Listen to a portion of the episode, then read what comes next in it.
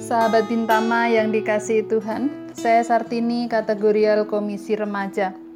Hari ini akan mengajak merenungkan tema perbuatan-perbuatan besar yang dilakukan Allah yang diambil dari kisah para rasul 2 ayat 11, demikian bunyi firman Tuhan. Baik orang Yahudi maupun penganut agama Yahudi, orang Kreta dan orang Arab, kita mendengar mereka berkata-kata dalam bahasa kita sendiri tentang perbuatan-perbuatan besar yang dilakukan Allah.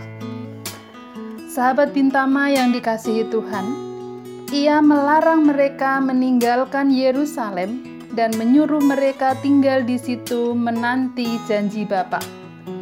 Kisah para Rasul 1 ayat 4 Sehingga peristiwa turunnya roh kudus menjadi jawaban atas penantian para murid Roh Kudus yang menguasai mereka dan memberikan karunia untuk mereka berkata-kata dalam berbagai bahasa lain. Yang dimaksud bahasa-bahasa lain adalah bahasa-bahasa yang secara linguistik dapat dimengerti oleh manusia.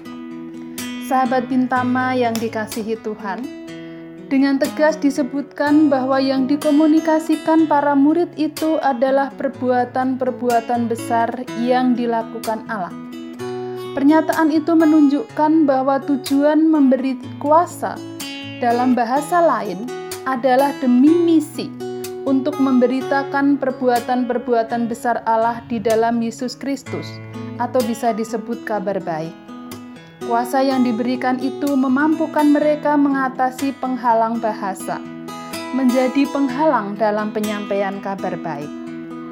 Sahabat Bintama yang dikasihi Tuhan, dalam kisah Menara Babel, bahasa yang satu diubah menjadi banyak dan berserakan. Namun pada hari Pentakosta, bahasa yang berbeda-beda itu memperoleh berita yang sama tentang perbuatan Allah yang besar di dalam Yesus Kristus. Sahabat Bintama yang dikasihi Tuhan, di masa pandemi COVID-19, hampir semua orang kena dampaknya, baik langsung ataupun tidak langsung. Remaja misalnya yang tidak bisa merayakan kelulusan dengan sukacita dan masih galau bagaimana sistem penerimaan ke jenjang pendidikan berikutnya. Dan kita semua masih menghadapi pandemi yang serba tidak pasti dan menakutkan.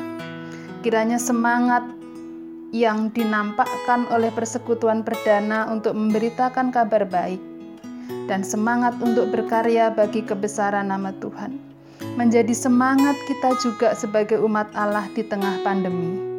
Demikian sapaan hari ini, selamat beraktivitas dan Tuhan memberkati. Amin.